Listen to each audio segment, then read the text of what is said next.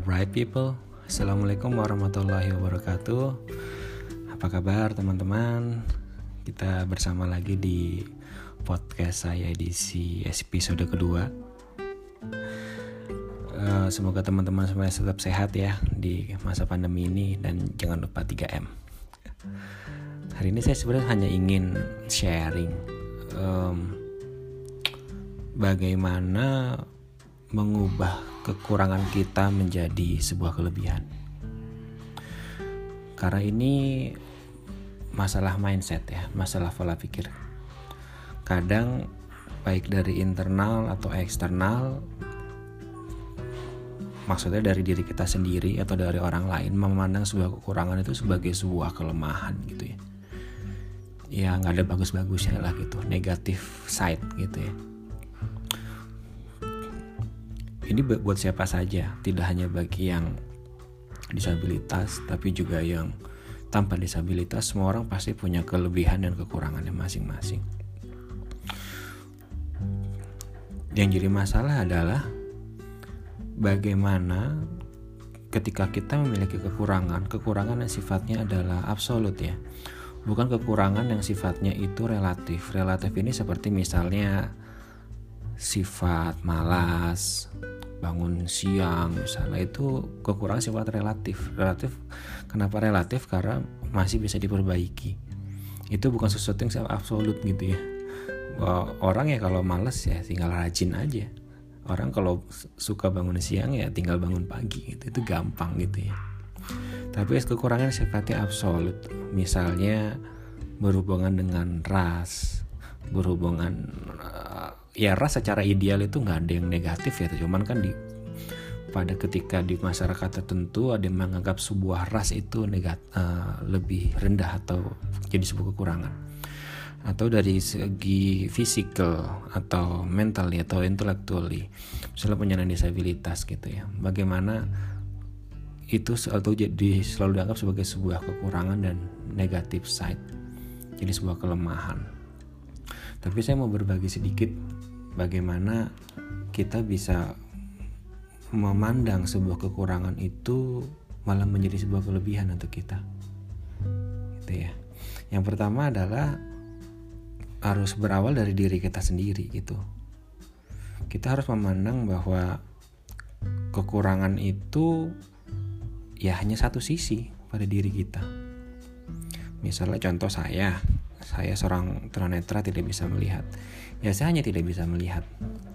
Tapi saya masih bisa berjalan masih bisa mendengar masih bisa berpikir. Jauh lebih banyak daripada apa yang saya tidak bisa. Atau misalnya contoh teman-teman yang tunadaksa pengguna kursi roda. Yaitu teman-teman hanya tidak bisa berjalan tapi masih bisa melihat, bisa mendengar, bisa bekerja, bisa berpikir, bisa menulis, apa pun bisa hanya tidak bisa berjalan saja. Dan itu bisa dibantu dengan kursi roda. Seperti saya pun juga yang dengan letra bisa dibantu dengan huruf braille atau dengan komputer bicara gitu. Nanti mungkin lain kali teman-teman pendengar uh, bright people yang belum tahu gimana sih tunanetra baik ke komputer nanti kapan-kapan kita akan perkenalannya. Itu itu hal pertama bahwa kekurangan itu adalah satu sisi saja, satu elemen pada diri kita. Yang kedua, ya kita harus menerima kekurangan itu. Gak boleh denial, tidak boleh um, menolak gitu ya.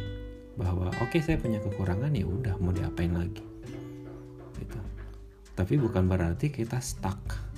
Bukan berarti kita itu terpaku bahwa oh saya punya kekurangan, saya nggak bisa lihat ya udah saya nggak mau ke mana-mana deh saya takut gitu ya. Padahal tunanetra saat ini kita tetap bisa ke mana-mana. Yang cara konvensional atau konservatif itu ya dengan pakai tongkat misalnya. Kita tetap bisa ke mana-mana. Alat bantu itu. Atau sekarang kita bisa pesan ojek online. Pakai aplikasi dari handphone kita sendiri. Yang itu menggunakan aplikasi pembaca layar gitu kan. Jadi kita bisa mandiri ke mana pun. Jadi bukan alasan lagi gitu ya sebetulnya kekurangan itu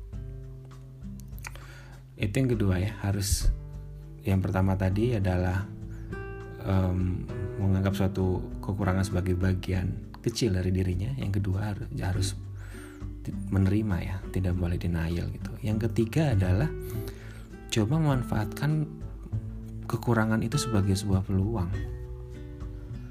Misalnya begini um, kita sering nemukan ya banyak uh, istilahnya itu affirmative action atau upaya-upaya afirmasi.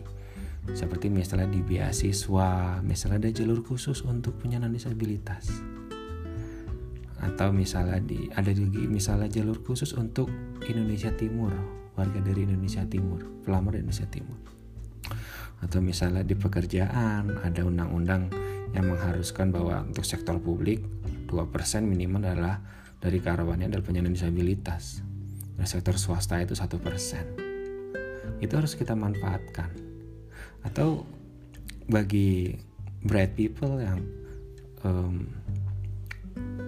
juga bisa manfaatkan itu ketika mengikuti sebuah event. Kayak misalnya saya pernah mengikuti beberapa event ya kayak waktu pernah 2013 itu kalau nggak salah saya ikut delegasi untuk tentang MDGs waktu itu pokoknya post 2015 pokoknya bagaimana setelah 2015 what next gitu itu sebelum adanya SDGs waktu itu di Bali Nah waktu itu saat buat ikut pesertanya itu harus kirim essay. Nah saya merasa karena saya tahu tentang isu disabilitas dan saya juga disabilitas, malah kekurangan itu buat saya jadi sebuah strength, jadi sebuah plus point gitu kan. Dan saya yakin saya unik. Mungkin nggak ada disabilitas lain yang lamar gitu kan. Dan membuat essay yang tahu tentang isu disabilitas langsung dari perspektif penyandang disabilitas sendiri. Dan akhirnya saya dapat kesempatan itu jadi salah satu delegasi kita ke Bali waktu itu acaranya. Dan itu pertama kali saya ke Bali juga. Gitu. Terus juga misalnya saya pernah ikut uh, sebuah organisasi kepemudaan ya namanya Forum Indonesia Muda. Uh, sama di ada seleksi CV terus juga essay dan saya yakin bahwa saya juga unik karena saya mengangkat soal masa isu disabilitas, isu disabilitas gitu dan dikaitkan dengan isu kepemudaan. Jadi kekurangan itu malah jadi sebuah uniqueness gitu ya. Jadi sebuah plus point jadinya. Nah, itu sebetulnya yang saya ingin bahwa bright people bisa uh, kita sama-sama belajar seperti itu.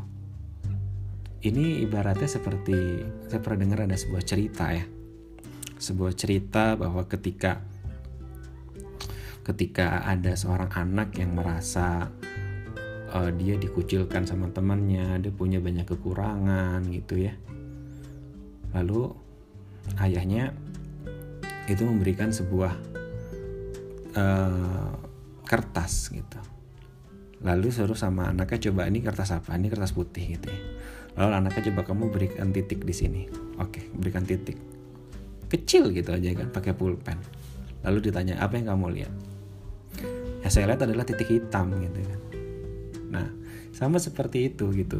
Oleh orang masyarakat atau pada umumnya ketika melihat kertas putih ada titik hitam ketika tanyakan apa yang kamu lihat? Titik hitam. Pada titik hitam itu mungkin hanya sepersekian juta kali dari lebar area putih di kertas itu gitu tapi itu yang orang lihat dan ini harusnya yang kita balik kita tidak melihat dari sisi kekurangan kita, tetapi pada sisi kita, kelebihan kita, sisi yang putihnya yang jauh lebih besar gitu. Jadi seperti itu, bright people. Mudah-mudahan uh, kita semua baik yang disabilitas, bukan disabilitas, adik-adik, kakak-kakak sama-sama belajar di sini. Saya tidak harus menggurui, tapi saya hanya berbagi dan bagi sedikit pemikiran saya bahwa kekurangan itu tergantung bagaimana cara kita memandangnya. Apakah ingin menjadi sebuah disadvantage atau kerugian atau menjadi sebuah kelebihan advantage. Yang sebetulnya dua hal tersebut adalah dua hal semu ya. Kalau mau um, kalau mau jujur jujur ya pasti ya ya kalau kita mau berpikiran pesimis ya nggak bisa lihat nggak bi kita kurang dari yang lain gitu. Tapi ya itu sesuatu yang absolut. Nggak bisa kita ubah gitu paling nggak dalam jangka panjang. Lalu kita mau apa ya? Tergantung bagaimana pola pikir kita. Kita memandangnya aja gitu. Apakah kita dengan kondisi seperti itu mau stuck berhenti jalan di tempat atau bahkan duduk atau tiarap atau kita tetap moving forward tetap maju gitu nah seperti itu berat people mudah-mudahan semuanya selalu diberikan kesehatan dan semangat dalam menjalani aktivitas sehari-hari dan sampai ketemu lagi di podcast saya di berikutnya. Terima kasih. Wassalamualaikum warahmatullahi wabarakatuh. Salam DPM Talk.